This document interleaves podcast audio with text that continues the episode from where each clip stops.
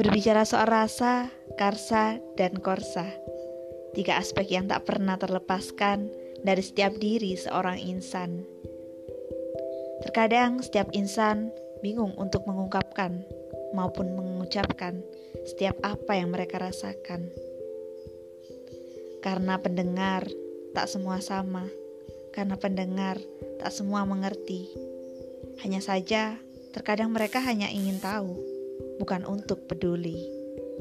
Maka dari itu, di podcast inilah aku akan membicarakan soal rasa, karsa, dan korsa.